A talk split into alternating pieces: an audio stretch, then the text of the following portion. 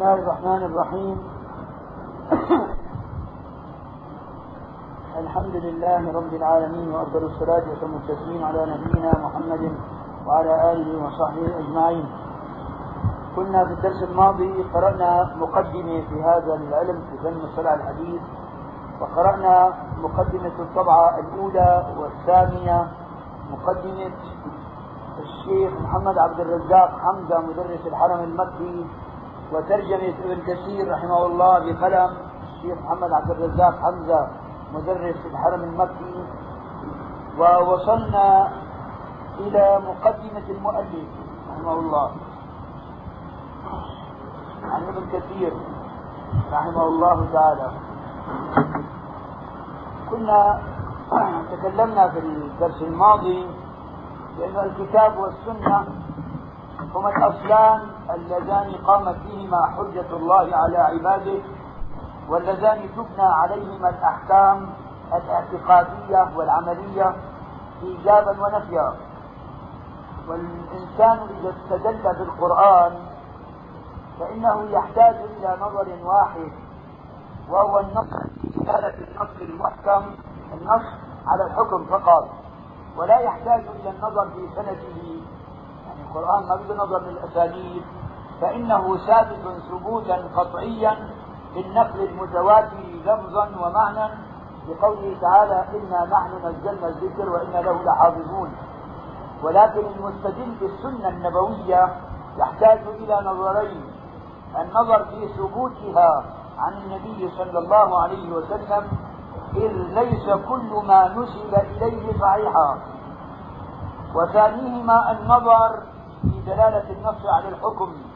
من أجل ذلك وضع العلماء قواعد ليميز فيها طالب العلم المقبول من المردود وسموه مصطلح الحديث أو مصطلح علم الحديث. إذا هنا نحن راح نبدأ بمقدمة المؤلف ابن كثير رحمه الله. شوفوا في عندنا هنا الألقاب الموجودة في صدر المقدمة. طبعا ابن كثير ما يمدح نفسه. هذا من كلام بعض تلامذة الإمام.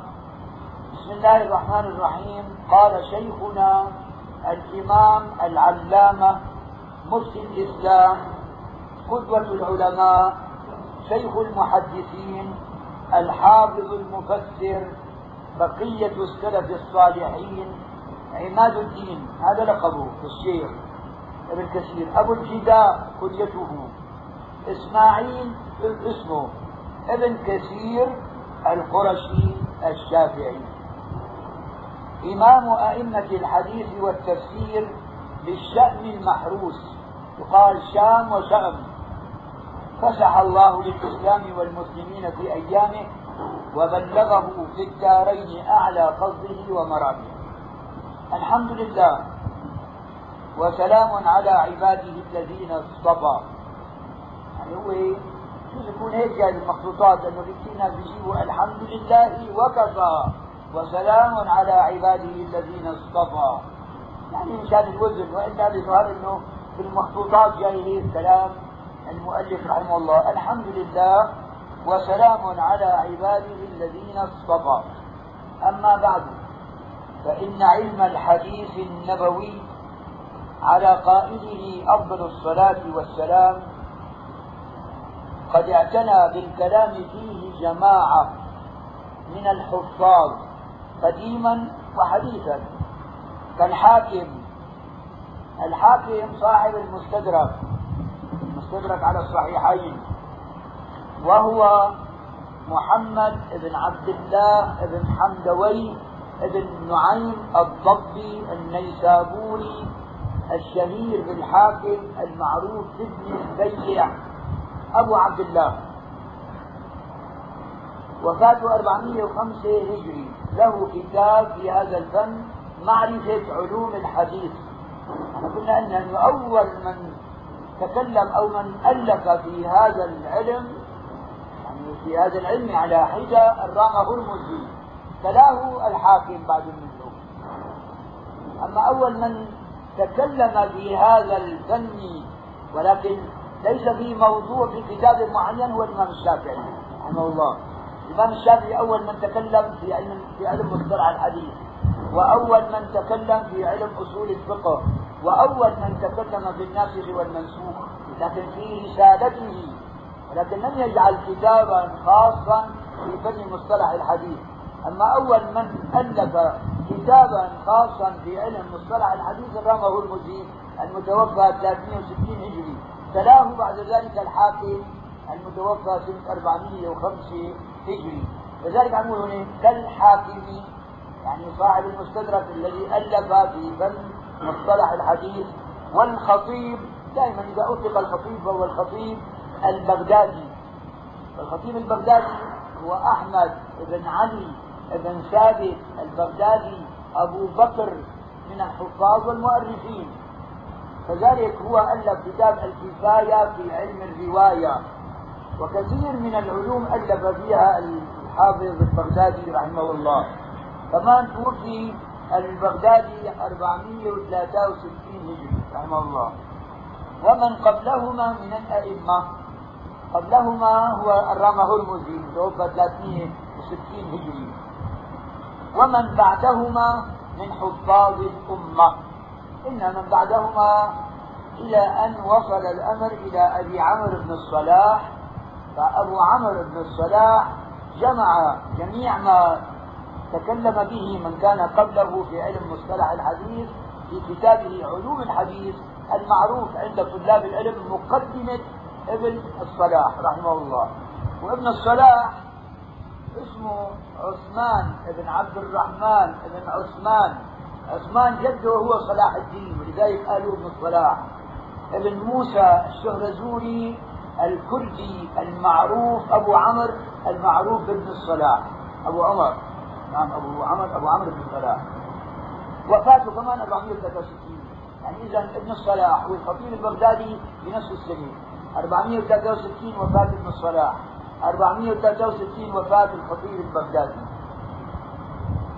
ولما كان يعني هذا الفن هذا العلم من أهم العلوم وأنفعها أحببت من عمود ابن كثير رحمه الله أن أعلق فيه مختصرا نافعا جامعا لمقاصد الفوائد ومانعا من مشكلات المسائل الفرائض بحيث انه يمدح طالب العلم المبتدئ والمتوسط.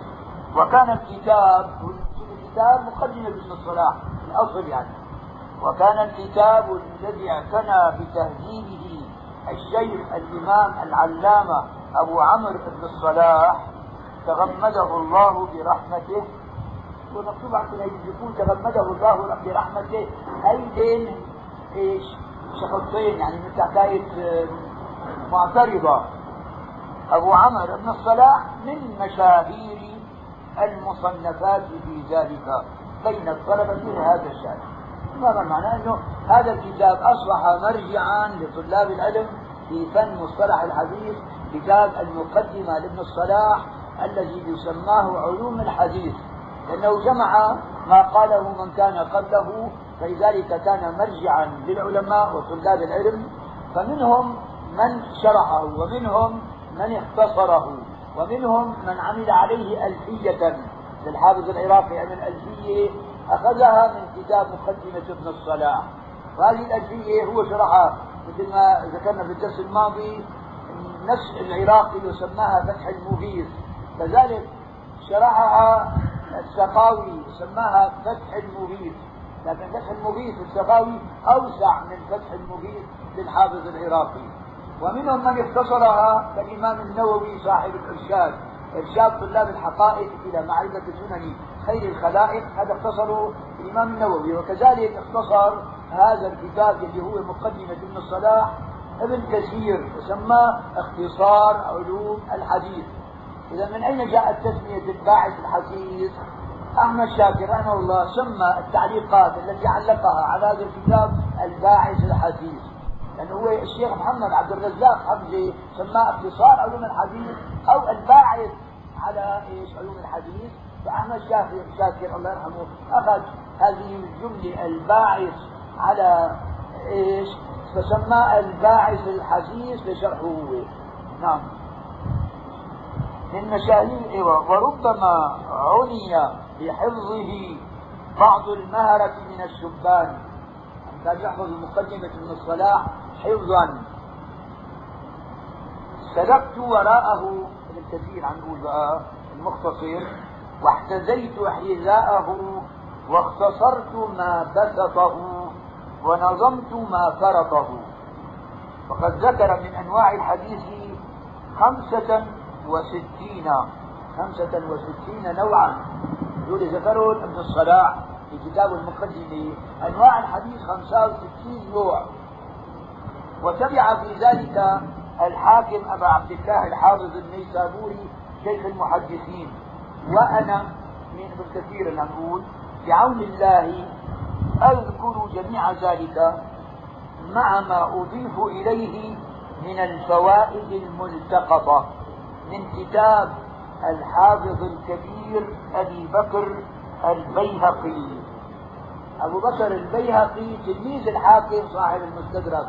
على الصحيحين. وفاته 458 أحمد بن الحسين أبو بكر البيهقي صاحب السنن الكبرى. فهو له كتاب يسمى المسمى بالمدخل إلى كتاب السنن. هذا هو موجود كاملا.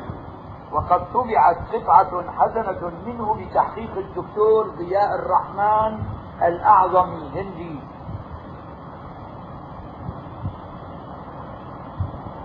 يعني القدر الموجود منه هذا مو موجود كاملا فالموجود منه طبع بتحقيق الدكتور هذا الأعظمي الهندي. هذا كتاب المدخل إلى كتاب السنن للبيهقي. وقد اختصرته أيضا بنحو من هذا النمط من غير وكس ولا شطط غير خاطر تطريق لا زيادة ولا نقصان. والله المستعان وعليه التكلان. وعندنا عندنا ذكر أنواع الحديث. هو بالأصل أنواع الحديث ثلاثة صحيح وحسن وضعيف. وذول ممكن نجمعهم باثنين لأنه أصل الحديث مقبول أو مردود. الصحيح والحسن مقبول والضعيف أقسامه مردود. فإذا الحديث قسمان مقبول ومردود. المقبول الصحيح والحسن والمردود الضعيف وأقسامه. لكن لا في أقسام تدخل تحت الضعيف كثيرة صحيح حسن ضعيف مسند متصل. هذه كلها جاي مو كلها طبعا. الغالبية جاية إلى تعاريف خاصة إلى أبحاث خاصة في هذا الكتاب. مرفوع مرفوع إلى رسول الله صلى الله عليه وسلم. يكون في مسند ومتصل. المسند يعني أسند إلى صاحبه سواء كان إلى رسول الله أو إلى صحابي. متصل غير منقطع. مرفوع رفع القول إلى رسول الله صلى الله عليه وسلم. موقوف على الصحابي. مقطوع ما رواه التابعي فمن دونه. جاي معنى هذه التعريفات؟ إن نقول موقوع حديث مرفوع أي رفع هذا القول إلى رسول الله صلى الله عليه وسلم. لكن مو معناها إذا قلنا مرفوع ينبغي أن يكون صحيحا؟ لا هذا نظر في سنده. موقوف على صحابي.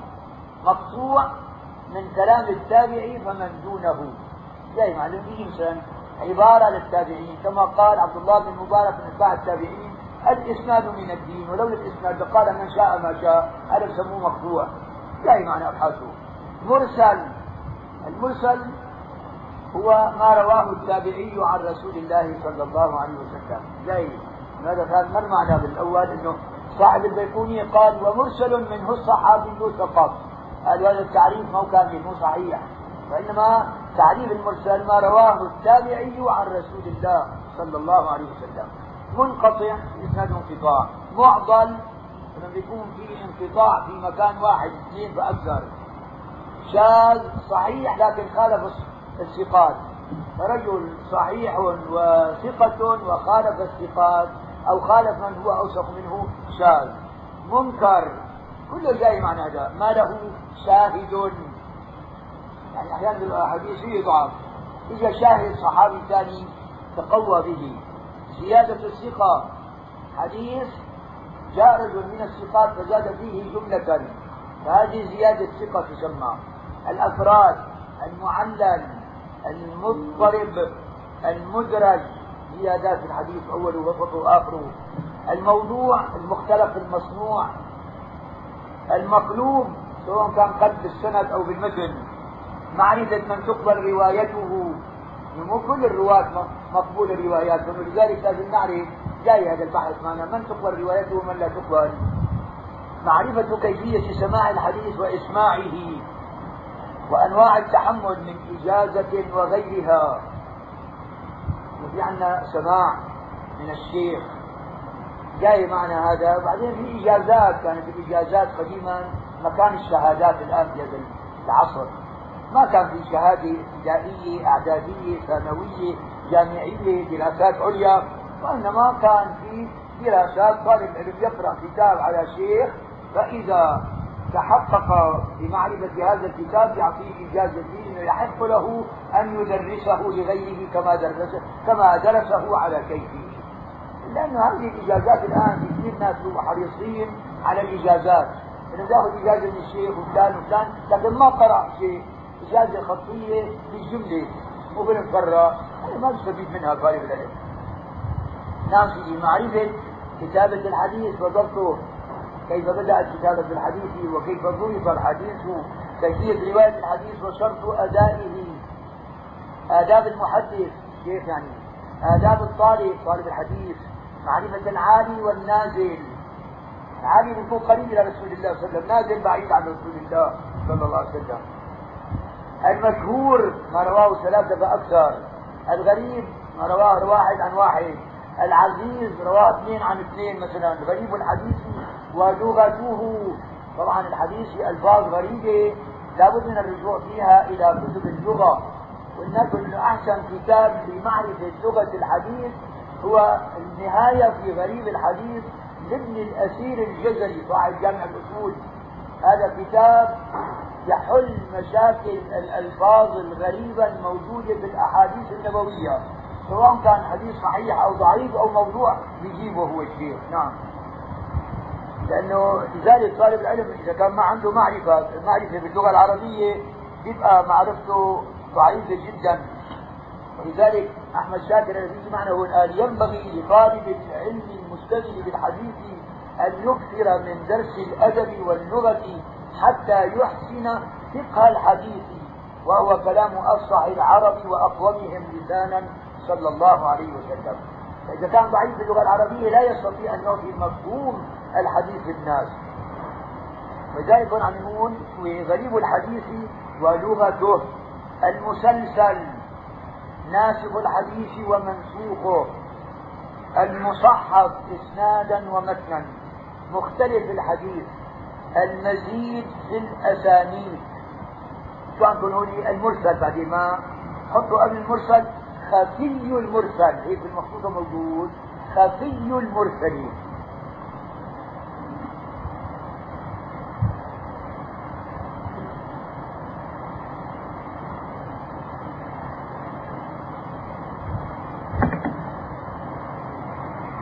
معرفة الصحابة.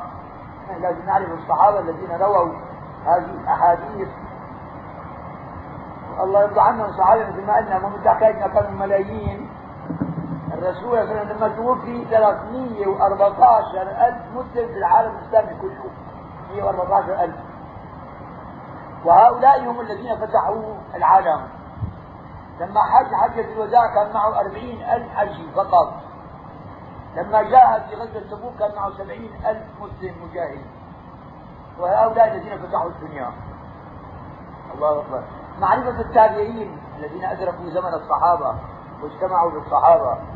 معرفة أكابر الرواة عن الأصاغر. في معنى رواية أكابر عن الأصاغر والأصاغر عن الأكابر رواية آباء عن الأبناء والأبناء عن الآباء. المدبج ورواية الأقران.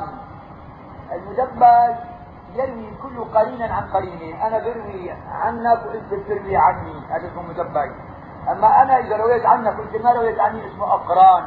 لأنه يعني أحد الأقران روى عن قرن عن إيش؟ عن قرنه ولم يروي الآخر عنه. زي معنى؟ كان اظن في الامتحانات معنا كمان ورواية الأقران. معرفة الإخوة والأخوات. رواية الآباء عن الأبناء. عكسه. عكسه الأبناء عن الآباء. من روى عنه اثنان متقدم ومتأخر. من لم يروي عنه إلا واحد. بعض العلماء الإمام مسلم جمع كتاب في هذا الموضوع اسمه الوحدان. من لم يروي عنه إلا واحد. من له أسماء ونعوت متعددة. المفردات من الأسماء غريبة. يعني ما إذا حكاية أسماء. يعني نسمع أسماء في المحدثين غريبة جدا. صدي بن عجلان. مثلا. ما في بين أسماء هذا صدي يجي من النوع هذا كثير من الأسماء خاصة مثل مسدد ابن مسرهد ابن مسربل ابن مغربل ابن عرندل. هو كلها غريب وغريب. نعم. من عرف آه، معرفة الأسماء والكنى في ناس بيكونوا مشهورين بالكنى. فلذلك يجوا أسماء بالكنى مشهور بالاسم يجيب الاسم. من عرف باسمه دون كنيته معرفة الألقاب المؤتلف والمختلف المتفق والمفترق. نوع مركب من اللذين قبله نوع آخر من ذلك. من نسب إلى غير أبيه. الأنساب التي يختلف ظاهرها وباطنها. معرفة المبهمات تواريخ الوفيات. كمان لها قيمه كبيره عند المحدثين لما نعرف تاريخ الوفيات بنقول هذا روى فلان عن فلان. إذا نظرنا في بيناتهم تفاوت في السن معناها ما في اجتماع بيناتهم من إيش نعرف؟ من تاريخ الوفيات لكل منهما معرفة الثقات والضعفاء. كذلك هذا ألف فيه كتب كثيرة لمعرفة الضعفاء ومعرفة الثقات. ولذلك هذا الفن خدم أكثر من أي فن آخر. من خلط آخر عمره رجل كان ثقة لأنه بآخر عمره خلص ولذلك في فرق بين حديثه في أول عمره حديثه بآخر عمره اللي خلص فيه. الطبقات يعني طبقات في الحديث معرفة الموالي من العلماء والرواة معرفة بلدانهم وأوطانهم. وهذا تنويع الشيخ أبي عمرو وترتيبه رحمه الله. هذول إيه؟ هو نقل ابن كثير عن أبي عمرو بن الصلاح من المقدم.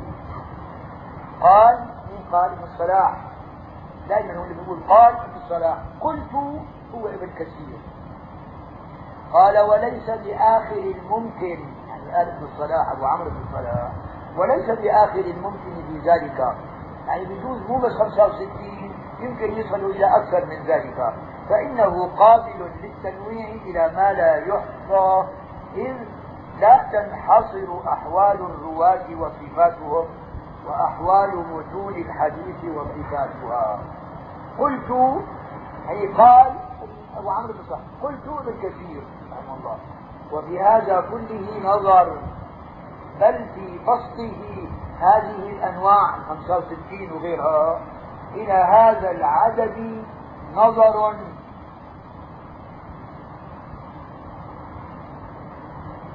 يمكن إدماج بعضها ببعض. يعني ال 65 ممكن إنه واحد يندمج بالآخر فما ما نشكله 65 أقل. وكان أليق مما ذكره ثم إنه فرق بين متماثلات منها بعضها عن بعض وكان اللائق ذكر كل نوع إلى جانب ما يناسبه. ونحن نرتب بالكثير يعني ونحن نرتب ما نذكره على ما هو الأنسب لأن ما جاء 65 نوع وهي 65 عملوا لكل واحد بحث وإنما رتب ودمج بعض هذه الأنواع في بعضها ولذلك ترتيب ابن كثير يعني كان في بعض الأمور اللي فيها آه، تكرار عند أبو عمرو بن الصلاح فأسقط هذا التكرار وأدخل بعضها ببعض. طلبا للاختصار والمناسبة. وننبه على مناقشات لا بد منها إن شاء الله تعالى. النوع الأول من دول 65 اللي سندون الصحيح. هذا أهم نوع من أنواع الحديث هو الحديث الصحيح. يعني الصحيح بمقابل الضعيف. الضعيف مريض. لذلك نقول فلان صحيح بمقابل فلان مريض. لذلك حديث صحيح حديث ضعيف يعني مثل الرجل المريض.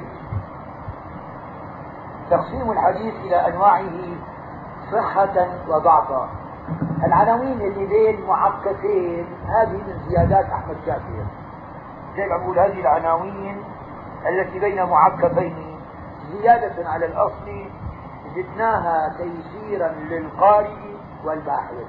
هذا كلام أحمد شاكر تعرف. قال مين قال ابن الصلاح دائما. قالوا قلت قال ابن الصلاح قلت ابن كثير. قال أي ابن الصلاح في علوم الحديث في المقدمة. اعلم علمك الله وإياي أن الحديث عند أهله ينقسم إلى صحيح وحسن وضعيف. ودول إذا كثفناهم الثالث في اثنين. مقبول ومردود. صحيح وحسن مقبول.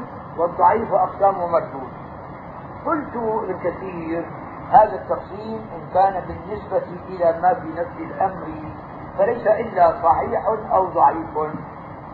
لأنه الحسن يوجد تحت الصحيح وإن كان أقل منه رتبة ولكن يعمل به ويستشهد به كالصحيح. وإن كان بالنسبة إلى اصطلاح المحدثين فالحديث ينقسم عندهم إلى أكثر من ذلك كما مر معنا. كما قد ذكره آنفا هو يعني ابن الصلاح وغيره أيضا. تعريف الحديث الصحيح. قال ابن الصلاح أما الحديث الصحيح فهو الحديث المسند. شو معنى بالمسند؟ المسند أي الذي ينتهي إلى رسول الله صلى الله عليه وسلم. الذي يتصل إسناده بنقل العبد الضابط عن العبد الضابط إلى منتهى إلى آخره. ولا يكون شاذا ولا معدلا هذا من نحفظه بشكل دائم هذا تعريف الحديث الصحيح. ما اتصل إسناده بنقل العدل الضابط عن نصفه إلى منتهى من غير شذوذ ولا علة قادحة هذا دائما نكون حافظينه مثل الفاتحة حتى نستشهد به للحديث الصحيح أينما أتى. ثم أخذ يبين عندكم مكتوب فوائده. ثم أخذ يبين فوائد قيوده. فوائد قيوده القيود التي ينبغي أن تقيد به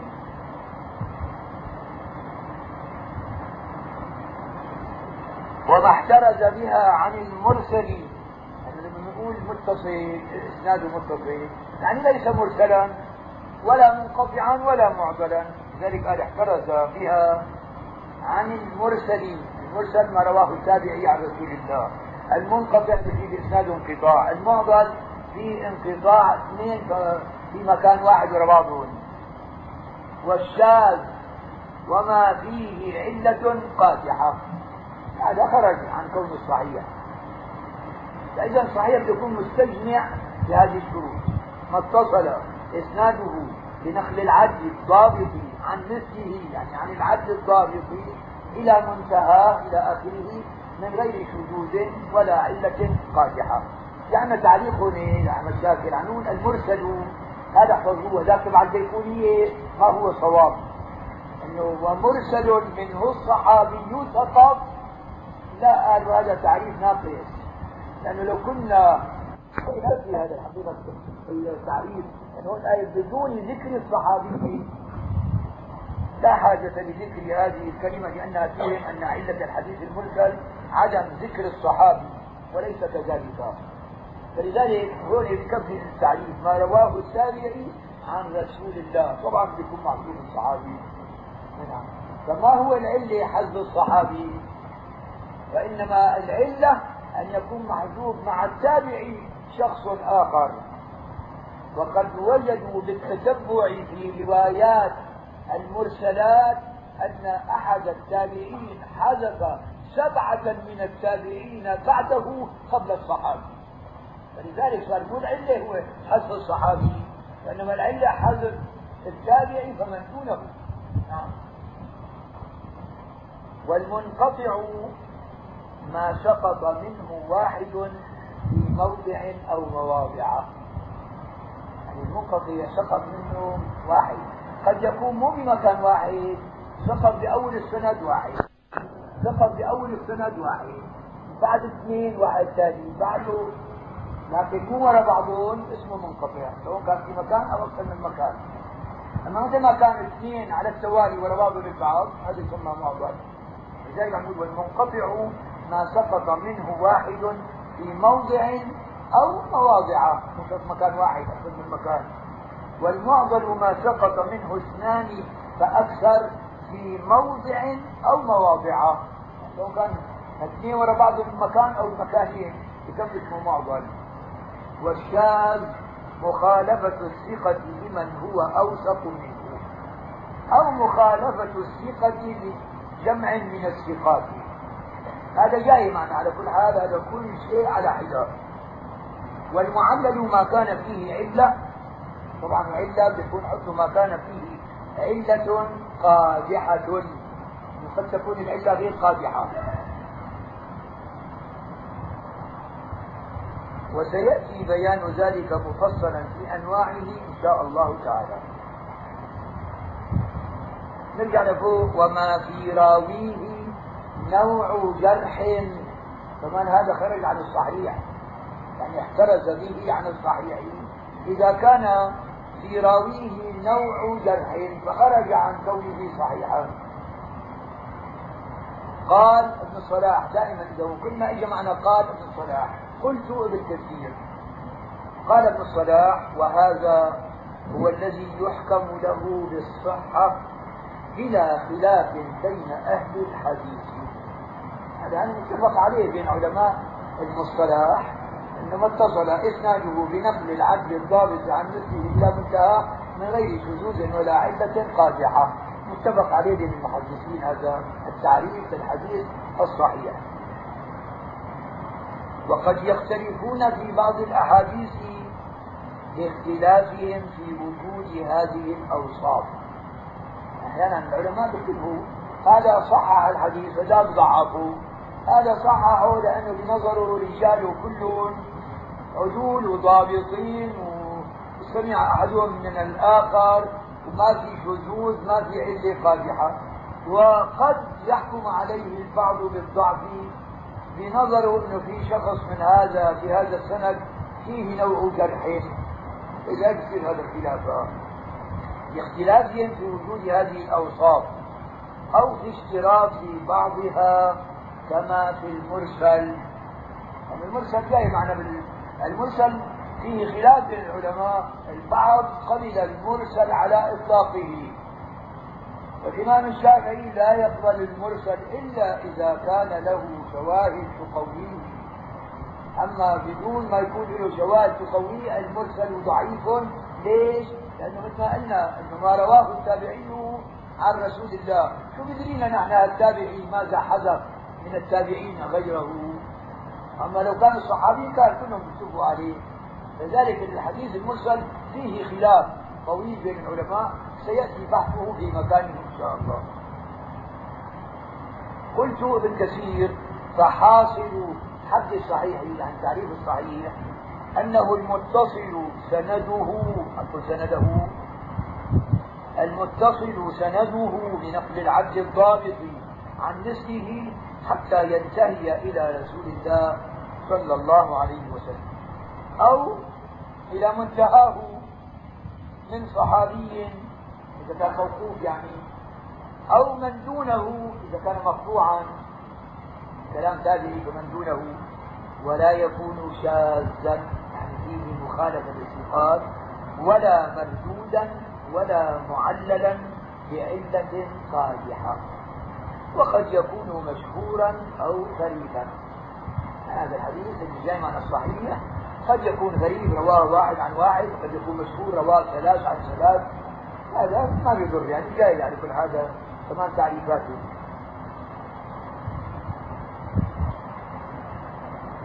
المشهور ما رواه عن شيخ اثنان فأكثر الغريب ما تفرد به واحد.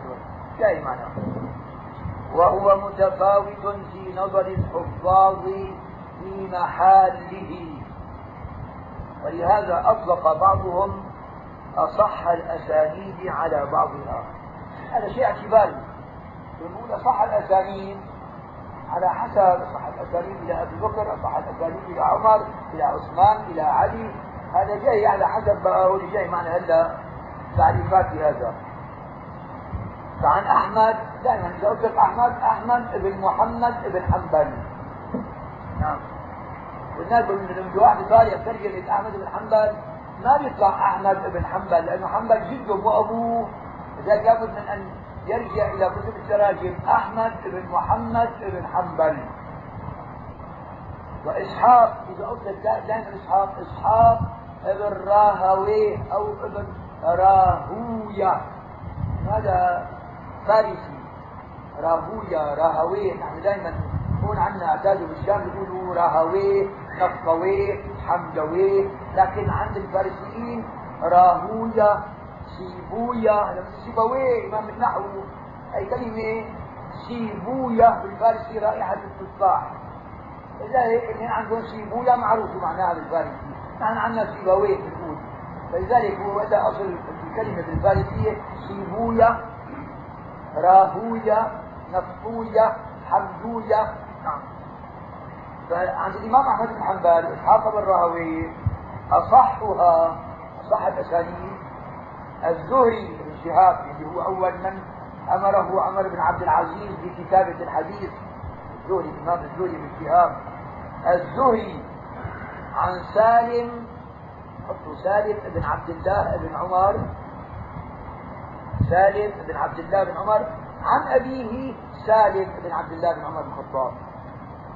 إذا الزهري عن سالم بن عبد الله بن عمر الخطاب عن أبيه عبد الله بن عمر بن الخطاب. هذا بنظر الإمام أحمد بن حنبل وإسحاق بن راهويه هذا أصح الأسانيد. ابن شهاب الزهري عن سالم بن عبد الله بن عمر عن عبد الله بن عمر.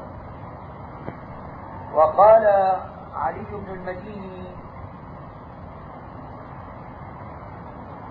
والفلاس علي بن المديني اسمه علي بن عبد الله. علي بن عبد الله وفاته 234 والفلاس تحت هو عمر ابن علي. عمر بن علي أبو حفص الفلاس الصيرفي الباهلي البصري ثقة حافظ وفاته 249 عمر بن علي بن بحر أبو حفص الفلاس 249 وفاته ثقة حافظ نعم. إيه عندك هذول الاثنين علي بن المديني شيخ البخاري. والفلاس هذول الاثنين عندهم أصح الأسانيد أصحها محمد بن سيرين هذا العالم بالرؤيا المنامات محمد بن سيرين تابعي عن عبيدة. تحت هو عبيدة بفتح العين وكسر الباء. ابن عمر ويقال ابن قيس السلماني بفتح السين وسكون اللام. عن علي عن عن علي. سوى عن علي عندي ما بعرف أنا أقول صواب عن علي. خلاص. عن علي عن يعني علي بن أبي طالب رضي الله عنه. وعن يحيى بن معين. يحيى بن معين 233 وفاته. أصحها الأعمش. الأعمش ما نفير. لقب له الأعمش اسمه سليمان بن مهران. سليمان بن مهران الكوفي.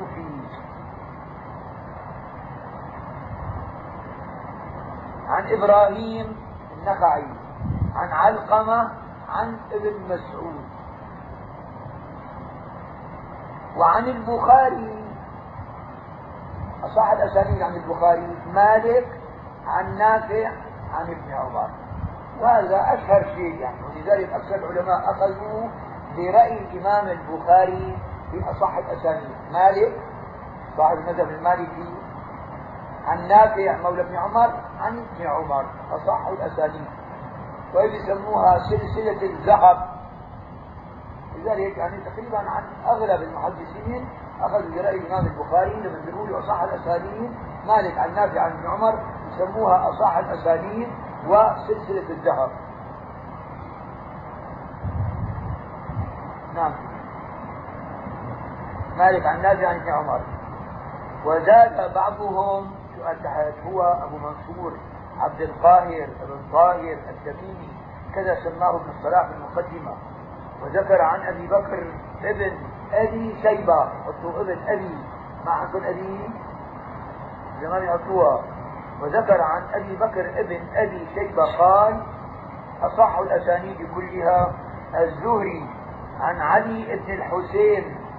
هذا زين العابدين يعني. عن أبيه حسين عن علي بن أبي طالب يعني ابن أبي طالب. وزاد بعضهم الشافعي عن مالك كأن سلسلة الذهب مالك عن نافع عن ابن عمر. كمان الشافعي تتلمذ على الإمام مالك فإذا زدنا في هذا أصح الأسانيد إذا قلنا الشافعي عن مالك عن عن عن نافع عن ابن عمر. أحمد بن حنبل كذلك درس على الإمام الشافعي. فإذا إن سلسلة الذهب أو من أصح الأسانيد أحمد عن الشافعي عن مالك عن نافع عن ابن عمر يصح ذلك. نعم. وزاد بعضهم الشافعي عن مالك إذ هو أجل من روى عنه. أجل من روى عن مالك هو الشافعي رحمه الله. الإمام الشافعي رحمه الله حجة في الفقه وفي اللغة. لذلك إننا نحن بالرسالة تبعه أول من ألف في علم أصول الفقه هو الإمام الشافعي. أول من ألف في علم مصطلح الحديث الإمام الشافعي. أول من ألف في الناسخ والمنسوخ الإمام الشافعي. وهو مرجع في اللغة العربية. حتى قال العلماء يقول أحمد الشافعي رحمه الله في شرح رسالة الإمام الشافعي إذا جاء الإمام الشافعي بكلمة لغوية ونظرنا في القواميس فلم نجدها فهو حجة على القواميس. يعني هو أعلم باللغة من أصحاب القواميس. فيروز زبادي صاحب القاموس الإمام الشافعي أعلم منه باللغة وأعلم من صاحب تاج العروس شارح القاموس. ولذلك له تعابير باللغة العربية قد لا يستعملها غيره وهي حجة عند أهل اللغة. هون نيجي بقى هلا أحمد شاكر حاطط تعليق طويل على قضية أصح الأسانيد أنه هذا شيء اعتباري يختلف باختلاف أقوال العلماء. شوفوا الذي انتهى إليه التحقيق في أصح الأسانيد أنه لا يحكم بإسناد لإسناد لذلك مطلقا من غير قيد بل يقيد بالصحابي أو البلد. أصح الأسانيد عن الصحابي فلان أصح الأسانيد عن أهل الشام عن أهل مصر عن أهل العراق عن أهل مكة أهل المدينة بالبلد لذلك وقد نصوا على أسانيد جمعتها وزدت عليها قليلا وحدة. هلا شو بقى؟ كل سند إلى صحابي معين. أصح الأسانيد عن أبي بكر. طبعا إذا أطلق أبو بكر فهو أبو بكر الصديق رضي الله عنه. شو اسمه أبو بكر الصديق؟ عبد الله بن عثمان. أنا مشهور الله يرضى عنه إسماعيل ابن أبي خالد. عن قيس ابن أبي حازم عن أبي بكر الصديق رضي الله عنه. فهذا أصح الأسانيد عن أبي بكر. وأصح الأسانيد عن عمر بن الخطاب. إذا أطلق عمر فهو ابن الخطاب الصحابة رضي الله عنهم. الزهري بن شهاب عن عبيد الله بن عبد الله بن عتبة عن ابن عباس عن عمر بن الخطاب رضي الله عنه. وكذلك يعني كمان أصح الأسانيد إلى عمر. الزهري عن السائب بن يزيد عن عمر بن الخطاب رضي الله عنه. هوني أحمد شاكر عم زاد من عنده هذول كمان الأشياء. ويزاد عليهما عندي عليهما على أبي بكر وعمر. ما سيأتي في أصح الأسانيد عن ابن عمر وهي أربعة أسانيد. لأنه إذا كان الإسناد إلى ابن عمر من أصح الأسانيد ثم روى عن أبيه كان ما يرويه داخلا في أصح الأسانيد أيضا بما أن مالك عن نافع عن ابن عمر فإذا ضفنا الشافعي كمان بيسمى صح الأسانيد. بل بنقول مالك عن نافع عن ابن عمر إذا أضفنا أبو عمر كمان من أصح الأسانيد يكون بزيادة عمر بن الخطاب في السند. وأصح الأسانيد عن علي عن أبي طالب رضي الله عنه محمد بن سيرين عن عبيدة مثل عني السلماني عن علي رضي الله عنه. والزهري عن علي بن الحسين بن العابدين يعني. عن أبيه الحسين عن علي رضي الله عنه. وجعفر بن محمد جعفر الصادق. ابن علي بن الحسين عن أبيه محمد الباقر. جعفر الصادق عن أبيه محمد الباقر عن جده زين العابدين. عن علي عن, أيوة عن جده علي الحسين بن علي عن علي رضي الله عنه. ويحيى بن سعيد القطان عن سفيان الثوري عن سليمان وهو الأعمش سليمان بن مهران. عن إبراهيم التيمي عن الحارث بن سويد عن علي رضي الله عنه. هذا كله أصح الأسانيد لكل صحابي. وأصح الأسانيد عن عائشة رضي الله عنها دائما إذا أطلقت عائشة بنت أبي بكر الصديق زوجة رسول الله صلى الله عليه وسلم. عائشة الصديقة. هشام بن عروة. ابن عروة نعم. هذا هشام يكون ابن أخوها هي خالته يعني. عن أبيه هشام عروة عن عائشة. وأفلح بن حميد عن القاسم قاسم بن محمد بن أبي بكر عن عائشة. وسفيان الثوري عن إبراهيم عن الأسود عن عائشة. وعبد الرحمن بن القاسم عن أبيه عن عائشة. ويحيى بن سعيد عن عبيد الله بن عمر بن حفص بن عاصم بن عمر بن الخطاب. يكون ابن الخطاب؟ ابن الخطاب.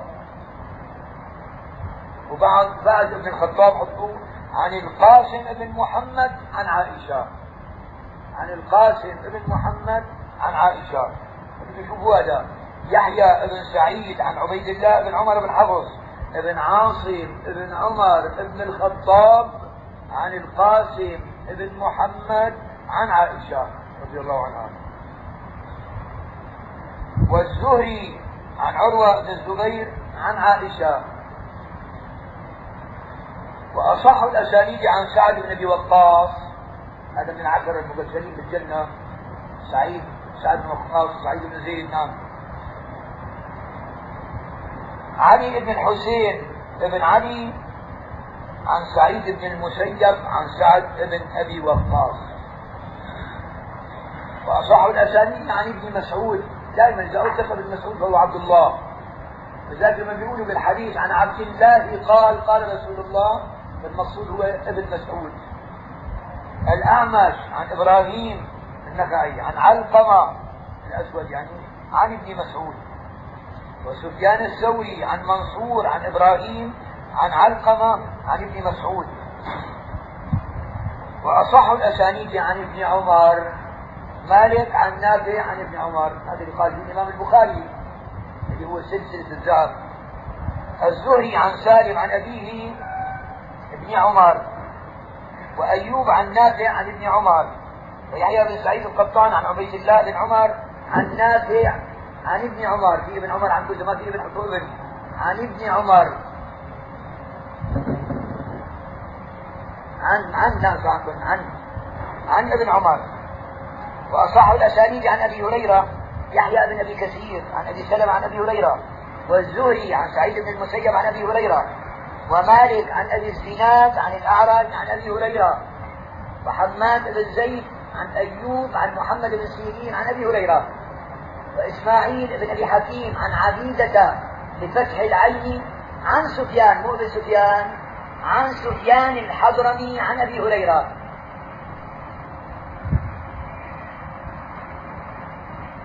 بعض الله شوي إسماعيل بن أبي حكيم عن عبيدة كذا ابن خلوه ابن. عبيدة ابن سفيان الحضرمي مضبوط عن عبيدة بفتح العين ابن سفيان الحضرمي عن أبي هريرة. ومعمر عن همام عن أبي هريرة رضي الله عنه. ذكرتنا أصح الاسانيد إلى أبي هريرة. واصح الاسانيد عن أم سلمة زوجة رسول الله صلى الله عليه وسلم. شعبة عن قتادة اذا قلت قتادة فهو قتادة ابن دعامه السدوسي وفيه نوع تدليس. فيه معنى. عن سعيد عن عامر أخي أم سلمة. عن ام بسم الله الرحمن الرحيم. الحمد لله رب العالمين. وأفضل الصلاة وتم التسليم على نبينا محمد وعلى آله وصحبه أجمعين.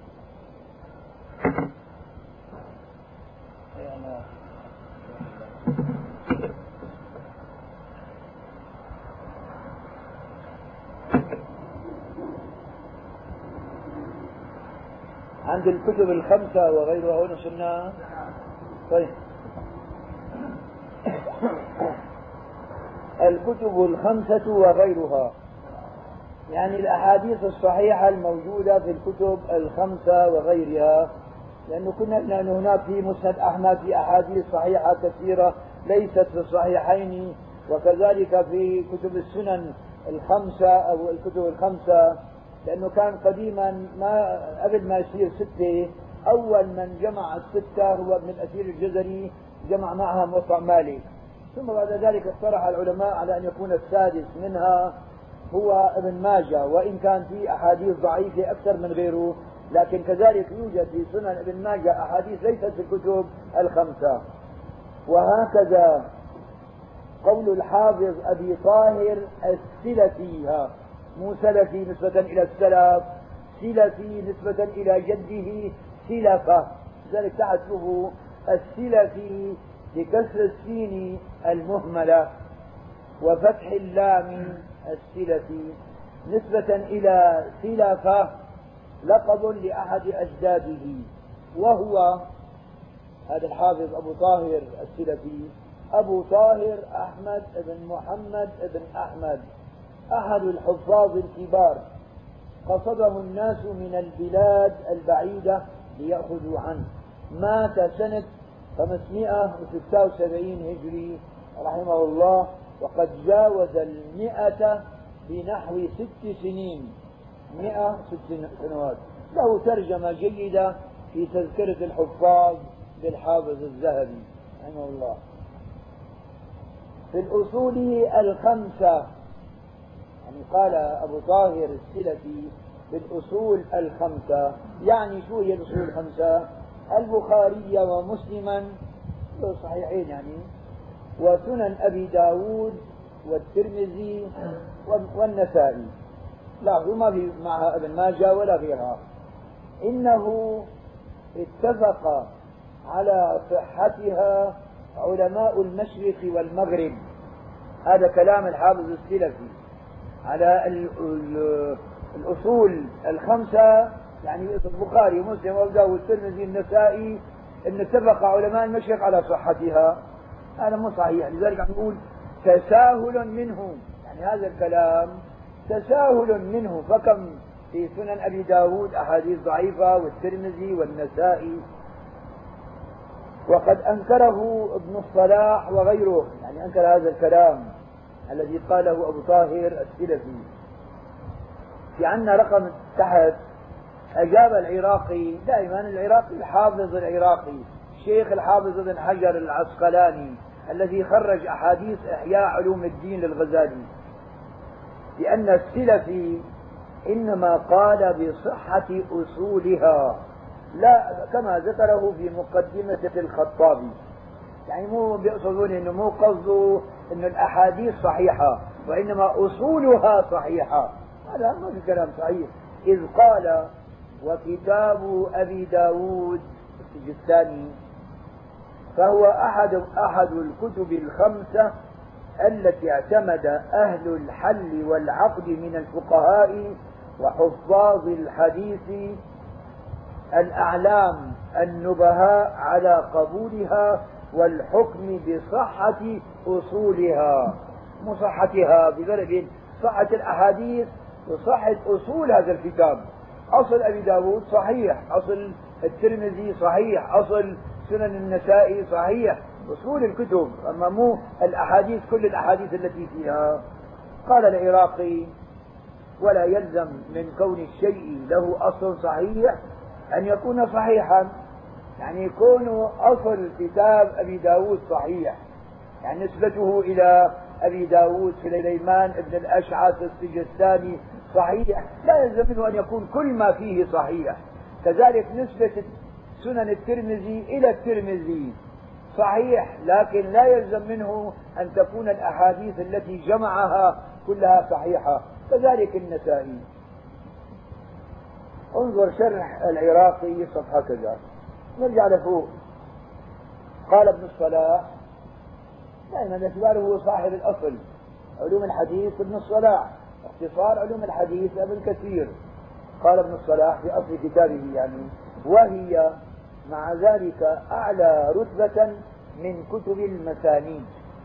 يعني الكتب اللي عندنا الصحيحين ما في كلام صلي ثلاثة أبو داود والترمذي والنسائي. وإن كان فيها أحاديث ضعيفة ومنكرة لكنها أعلى رتبة من المسانيد.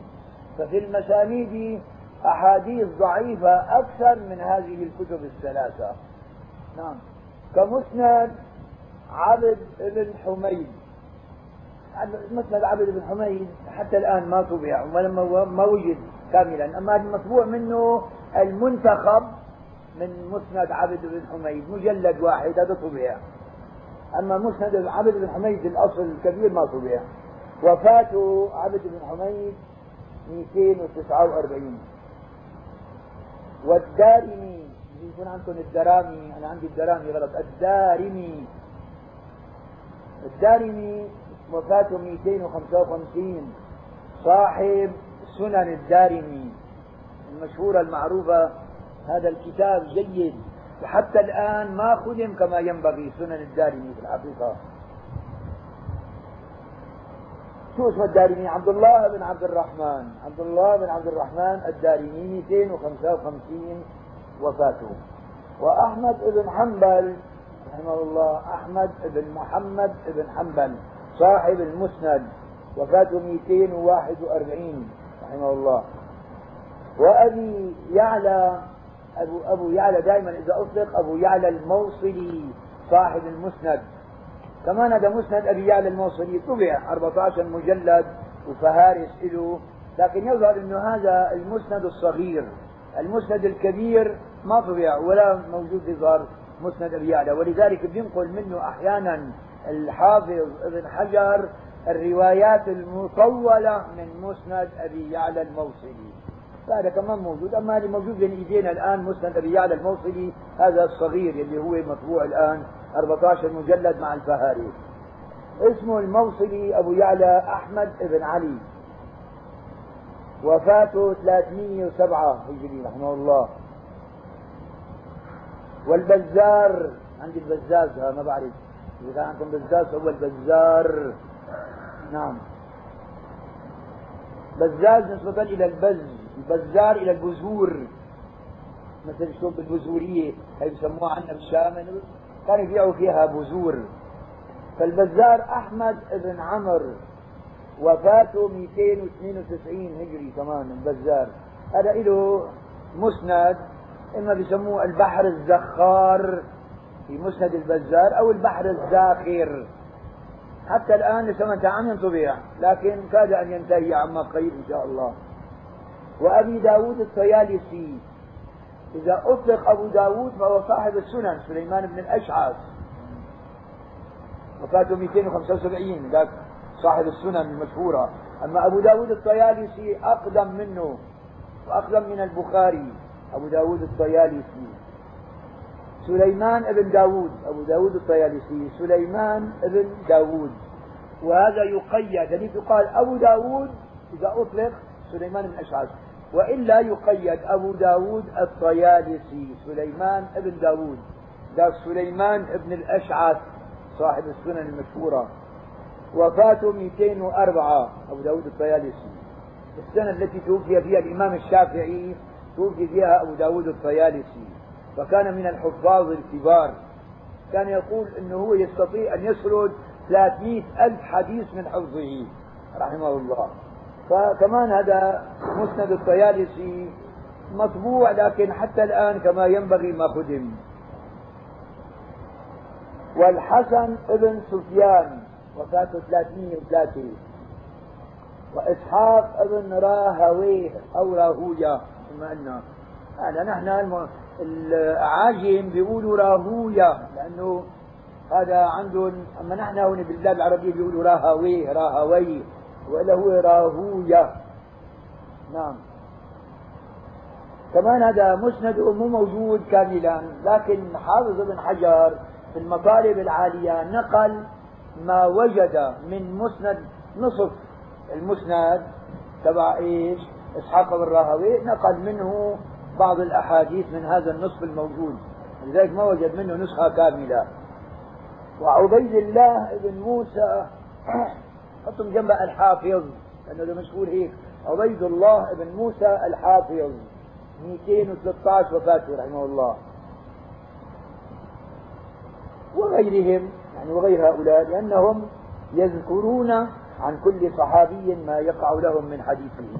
هذا الفرق بين أصحاب السنن وبين المسانيد. أصحاب السنن على الترتيب الفقهي مثل البخاري ومسلم أي كلها مرتبة على الترتيب الفقهي. أما المسانيد على الصحابة ولذلك يجي مسند أبي بكر الصديق. يسرد ما عنده من الأحاديث عن أبي بكر الصديق، مسند عمر بن الخطاب، مسند علي بن أبي طالب، مسند عثمان بن عفان، مسند فهذا على الصحابة، أما الكتب الستة مرتبة على الأبواب الفقهية. نعم. فذلك قال لأنهم يعني أصحاب المسانيد يذكرون عن كل صحابي ما يقع لهم من حديثه. اذا هون يعني القصد من هذا بحثنا حول الأحاديث الصحيحة التي ليست في الصحيحين ولا في غيرها فهون في الكتب الخمسة في أحاديث عند أبو داود والترمذي والنسائي مو موجودة بالبخاري ومسلم. والمسانيد اللي عندهم هلا كلهم فيها أحاديث صحيحة وليست في الكتب الخمسة ولا في المسانيد اللي عندها ولا في مسند أحمد. نعم. هلا الآن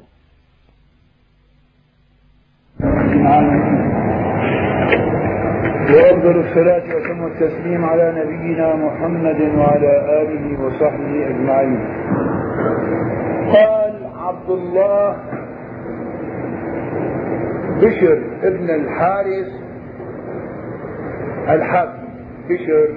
هذا رجل بشر ابن الحارث الحافي رجل من الزاهدين الأولين. كان في زمن الإمام أحمد بن حنبل رحمه الله. توفي في بغداد سنة 227 هجري. هذا الرجل. غلب عليه الزهد في الدنيا. فلذلك كان ينظر إنه طالب العلم. ليس القصد من علمه الكثره وإنما القصد من العلم العمل. وفي الحقيقة نحن خاصة في هذه الأيام. لسنا بحاجة إلى كثرة كلام. وإنما نحن بحاجة إلى عمل طيب ينفعنا في ديننا ودنيانا وأخرانا. لذلك شو قال هو بشر بن الحارث الحافي هذه العبارة مرت معنا في الباعث الحديث. قال أدوا زكاة مئتي حديث خمسة أحاديث. معروف بالشريعة الإسلامية أن الزكاة في العروض التجارية وفي الأمور في المال الأمور المادية بالمئة اثنين ونص ربع العشر. فإذا كان عندنا مئتين حديث زكاة في خمسة أحاديث. يعني لو أن طالب العلم أمثالكم. درس سواء كان في معهد شرعي أو درس دراسة خاصة دروس على المشايخ ولكنه في مدة من الزمن قرأ مئتي حديث نبوي. فإذا عمل بزكاتها يعني بخمسة أحاديث منها تكفيه للدين والدنيا والآخرة. فاسمعوا هذه الأحاديث الخمسة التي هي من الأحاديث التي إذا عملنا بها كفتنا في دنيانا وأخرانا. أول حديث من هذه الخمسة. روى الإمام أحمد في مسنده والطبراني في معجمه الكبير. عن معاذ بن جبل رضي الله عنه قال أوصاني رسول الله صلى الله عليه وسلم بعشر كلمات. قال عد العشرة. لا تشرك بالله شيئا وإن قتلت وحرقت. ولا تعقن والديك وإن أمراك أن تخرج من أهلك ومالك. ولا تتركن صلاة مكتوبة متعمدا فإن من ترك صلاة مكتوبة متعمدا فقد برئت منه ذمة الله. ولا تشربن خمرا فإنه رأس كل فاحشة. وإياك والمعصية فإن بالمعصية حل سخط الله. وإياك والفرار من الزحف وإن هلك الناس. وإذا أصاب الناس موت وأنت فيهم فاثبت. وأنفق على أهلك من طولك ولا ترفع عنهم عصاك أدبا وأخفهم في الله أي وصايا عشر من رسول الله لمعاذ بن جبل. وهذا هي هذا هو الحديث الأول من الخمسة التي هي زكاة مئتي حديث. الحديث الثاني. هذا الأولاني الحديث الأول. العشرة هذول في شيء واضح. لا تشرك بالله شيئا وإن قتلت وحرقت. منه. ثبات على الدين. لا تعقن والديك لأن العقوق من أكبر الكبائر. الرسول لما قال ألا أنبئكم بأكبر الكبائر؟ ألا أنبئكم بأكبر الكبائر؟ ألا أنبئكم بأكبر الكبائر؟ قال بلى رسول الله. قال الإشراك بالله وعقوق الوالدين وكان متبعا فجلس وقال ألا وقول الزور ألا وشهادة الزور فما زال يكررها حتى قلنا ليته سكت. إذا هذه من أكبر الكبائر عقوق الوالدين. كذلك من وصاياه ولا تتركن صلاة مكتوبة يعني مفروضة فإن من ترك صلاة مكتوبة متعمدا فقد برئت منه ذمة الله. الرابعة ولا تشربن خمرا فإنه رأس فاحش كل فاحشة الخمر أم الخبائث. إذا وقع الإنسان في الخمر يقع في الزنا وفي القتل وفي جميع المنكرات لأنها تضيع العقل. وإياك والمعصية فإن بالمعصية حل سخط الله. الغضب السخط ينزل من السماء على العباد بوجود المعاصي. فالمعاصي سبب للغضب سبب للقحط سبب لغضب الرب. وإياك والمعصية فإن بالمعصية حدث سخط الله. وإياك والفرار من الزحف وإن هلك الناس هذا في الجهاد المقصود فيه. أنه إذا كان هناك جماعة في الجهاد لا يجوز أن يفر لأنه إذا فر من الزحف فقد كسر معنويات الجيش الباقي. وكانت الوصايا لمعاذ بن جبل ولذلك قال له كمان النبي صلى الله عليه وسلم وإذا أصاب الناس موت الموت طاعون وباء وانت فيهم فاثبت وقد قال ذلك فقد مات هو في طاعون عموات رضي الله عنه. وانفق على آلك من طولك أي مما تستطيع. لا يكلف الله نفسا إلا وسعها. لا يكلف الله نفسا إلا ما آتاها. ولا ترفع عنهم عصاك أدبا. يعني دائما مشان يخاف واحد مثلا يعلي عصاي بالبيت يخاف لها. تخويف ترهيب. وأخفهم في الله هذا حديث واحد. الحديث الثاني روى أحمد في مسنده عن أبي ذر الغفاري رضي الله عنه قال أمرني خليلي صلى الله عليه وسلم بسبع. الخليل الصاحب الذي ليس في صحبته خلل أمرني بحب المساكين والدنو منهم. وهذه وصية الله لرسوله في كتابه. واصبر نفسك مع الذين يدعون ربهم بالغداة والعشي يريدون وجهه ولا تعد عيناك عنهم. تريد زينة الحياة الدنيا ولا تطع من أغفلنا قلبه عن ذكرنا واتبع هواه. وكان أمره فرطا وقل الحق من ربكم فمن شاء فليؤمن ومن شاء فليكفر. أمرني بحب المساكين والدنو منهم.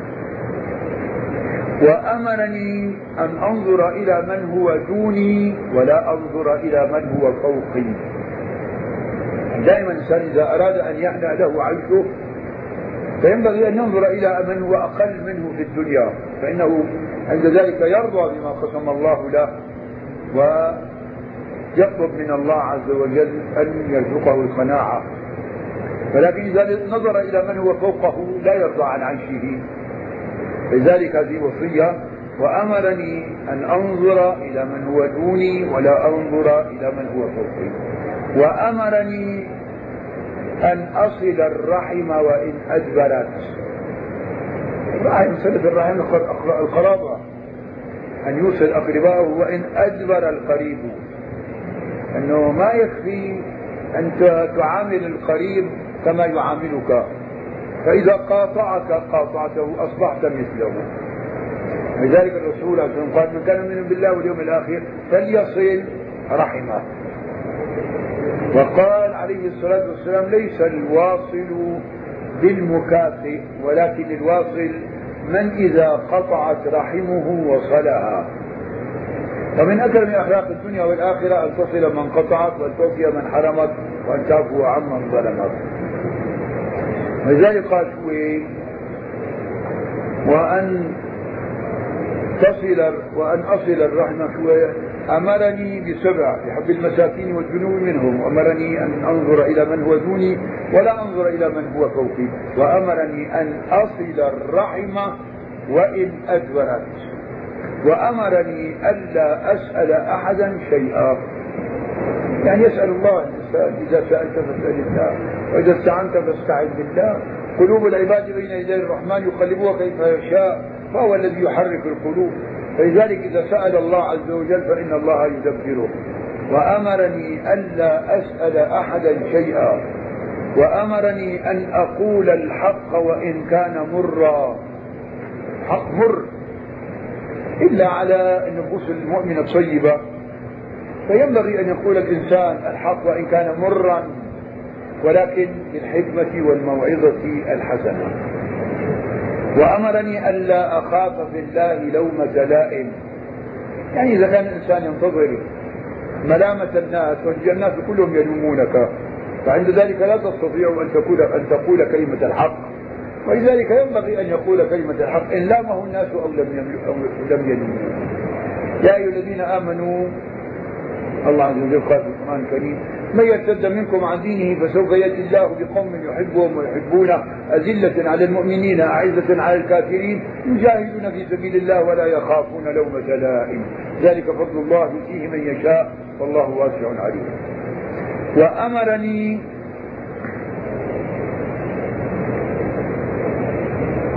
أن أكثر من قول لا حول ولا قوة إلا بالله فإنهن من كنز تحت العرش. هذه الوصية أوصى بها رسول الله عدة صحابة عدة من الصحابة. يقول له أكثر من قول لا حول ولا قوة إلا بالله فإنهن من كنز تحت العرش ونحن في هذا العصر ما أحوجنا إلى هذه الكلمات فإننا نرى في طريقنا ما لا يسر ونسمع ما لا يسر ونسير في الطريق ونرى أمورا ينبغي أن ننكر عليها ولا نستطيع إنكارها. فلا نملك سوى أن نقول لا حول ولا قوة إلا بالله فإنهن من كنز تحت العرش. هذا الحديث الثاني الحديث الثالث روى أحمد في مسنده وابن حبان في صحيحه والحاكم في مستدركه على الصحيحين والبيهقي في شعب الإيمان. عن عبادة بن الصامت رضي الله عنه قال قال رسول الله صلى الله عليه وسلم اضمنوا لي ستا من أنفسكم أضمن لكم الجنة. اصدقوا إذا حدثتم وأوفوا إذا وعدتم وأدوا إذا اؤتمنتم واحفظوا فروجكم وغضوا أبصاركم وكفوا أيديكم. هذا هو الحديث الثالث كذلك هذا مفهوم أنه أولا إذا المؤمن ضمن هذه الأشياء فإن رسول الله صلى الله عليه وسلم اصدقوا إذا حدثتم وأوفوا إذا وعدتم وأدوا إذا اؤتمنتم واحفظوا فروجكم وغضوا أبصاركم وكفوا أيديكم. ورسول الله بدأ بأول شيء منها اصدقوا إذا حدثتم. الصدق. أن الحقيقة إذا التزم المسلم الصدق فإن الله يجعل له من أمره فرجا ومخرجا. لذلك قال تعالى في القرآن يا أيها الذين آمنوا اتقوا الله وكونوا مع الصادقين. فرسول الله قال عليكم بالصدق فإن الصدق يهدي إلى البر وإن البر يهدي إلى الجنة. وما يزال الرجل يصدق ويتحرى الصدق حتى يكتب عند الله صديقا. فالصدق يهدي إلى البر والبر كلمة جامعة للخير كله. لذلك لو ينظروا آية البر في القرآن الكريم يسموها آية البر أو آية التدين الصادق. ليس البر أن تولوا وجوهكم قبل المشرق والمغرب. ولكن البر من آمن بالله واليوم الآخر والملائكة والكتاب والنبيين. هذا عقائد وآتى المال على حبه ذوي القربى واليتامى والمساكين وابن السبيل والسائلين وفي الرقاب. معاملة. وأقام الصلاة عبادات وآتى الزكاة. والموفون بعهدهم إذا عاهدوا والصابرين. أخلاق البأساء والضراء وحين البأس. أولئك الذين صدقوا وأولئك هم المتقون. فالصدق يأتي إلى هذه الأمور كلها إلى العقيدة والعبادة والمعاملة والأخلاق التي جمعت الإسلام كله. لذلك آية البر جمعت الإسلام كله في هذه الآية الواحدة. عليكم بالصدق فإن الصدق يهدي إلى البر. وإن البر يهدي إلى الجنة وما يزال الرجل يصدق يتحرى الصدق حتى يكتب عند الله وأدوا إذا اؤتمنتم إن الله يأمركم أن تؤدوا الأمانات إلى أهلها.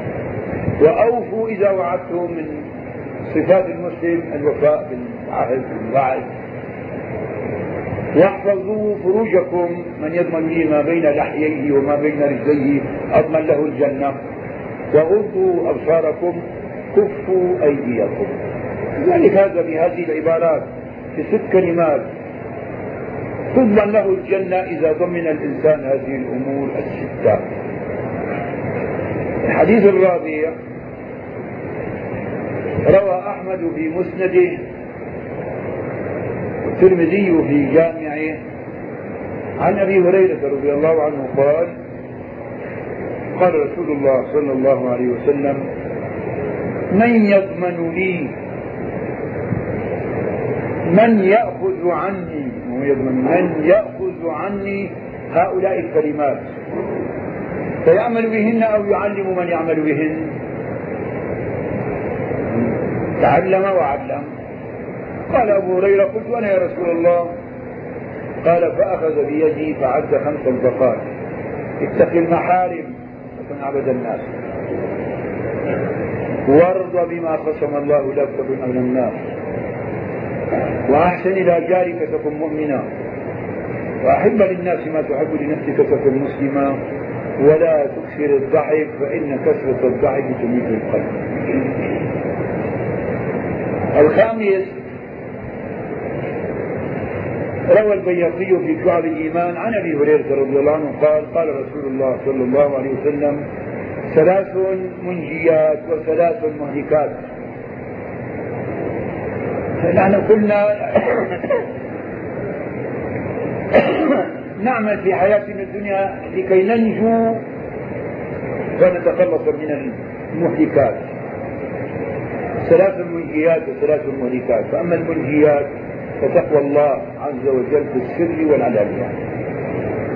والقول بالحق في الرضا والسخط. والقصد في الفقر والغنى.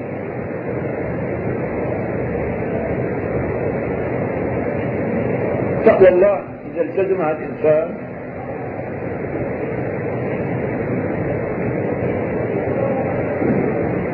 في السر والعلانية. يعني مو بس بينه وبين الله بينه وبين الناس بينه وبين الله دائما ملتزم للتقوى. في السر والعلانية.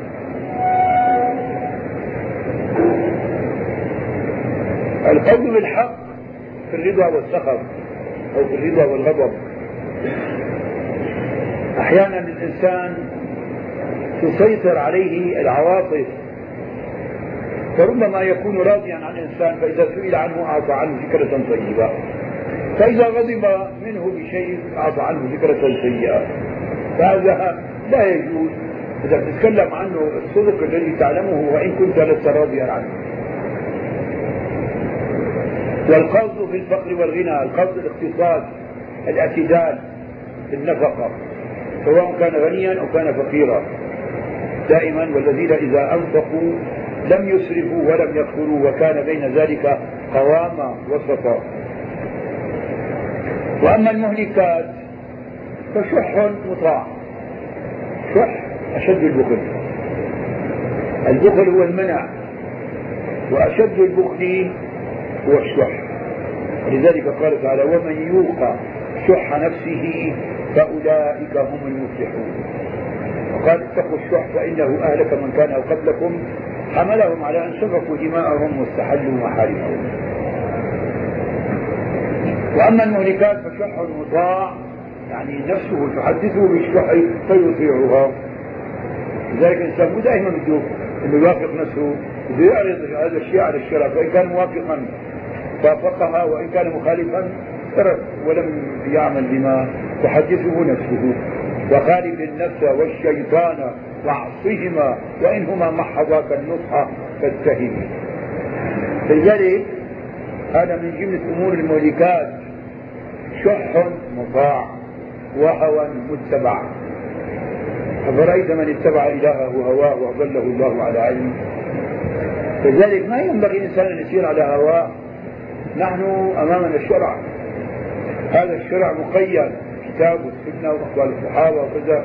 فما يجوز أن يخترع أشياء من عنده وأن يسير على هواه ومشتهيات نفسه وإنما على ما أمر الله وشرع رسول الله صلى الله عليه وسلم. وهوى متبع. فالهوى المتبع هو الذي يهلك أكثر الناس. وإعجاب المرء بنفسه. إعجاب المرء بنفسه وقال عنه الرسول الأخير من الحديث وهي أشدهن يعني أشد المهلكات الثلاث هي إعجاب المرء بنفسه. لذلك من ما الذي أهلك قارون الذي ذكر الله قصته بإسهاب في القرآن هو إعجابه بنفسه؟ لذلك انظروا الآيات التي جاءت في في قصة قارون في القرآن الكريم في سورة القصص إن قارون كان من قوم موسى فبغى عليهم. وآتيناه من الكنوز ما إن مفاتحه لتنوء بالعصبة أولي القوة.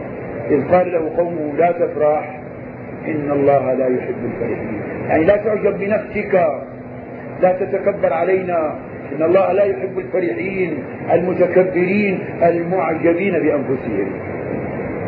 وابتغي فيما آتاك الله الدار الآخرة. ولا تنس نصيبك من الدنيا وأحسن كما أحسن الله إليك. ولا تبغي الفساد في الأرض. إن الله لا يحب المفسدين. قال إنما أوتيته على علم عندي. أولم يعلم أن الله قد أهلك من قبله من القرون. من هو أشد منه قوة وأكثر جمعا؟ ولا يسأل عن ذنوبهم المجرمون فخرج على قومه في زينته يعني متكبرا معجبا بنفسه قال الذين يريدون الحياة الدنيا يا ليت لنا مثل ما أوتي قارون إنه لذو حظ عظيم. وقال الذين أوتوا العلم ويلكم ثواب الله خير لمن آمن وعمل صالحا ولا يلقاها إلا الصابرون.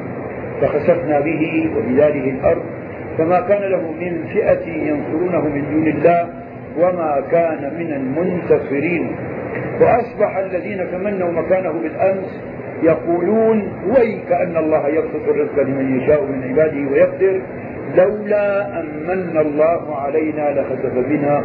وكأنه لا يفلح الكافرون تلك الدار الآخرة. نجعلها للذين لا يريدون علوا في الأرض ولا فسادا والعاقبة للمتقين. وذلك كان من دعاء رسول الله صلى الله عليه وسلم.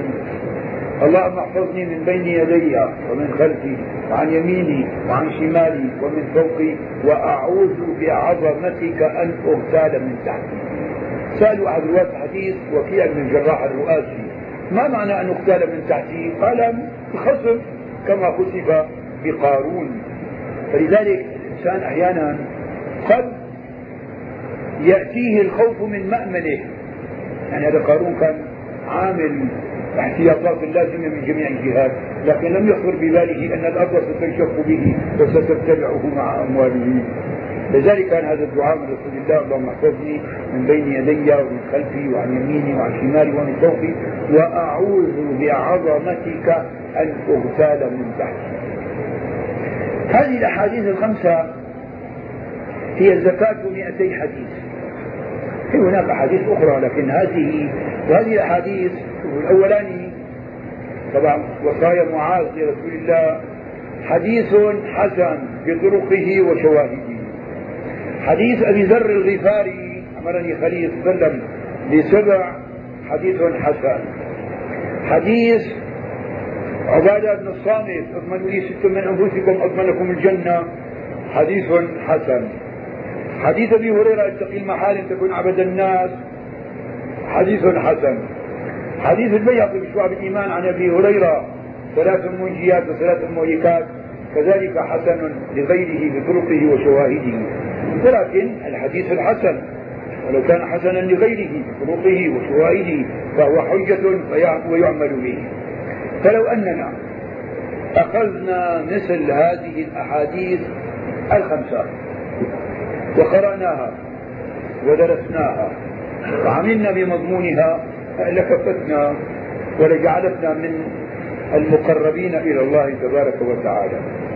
فلذلك ليست القضية بالكثرة في الحقيقة.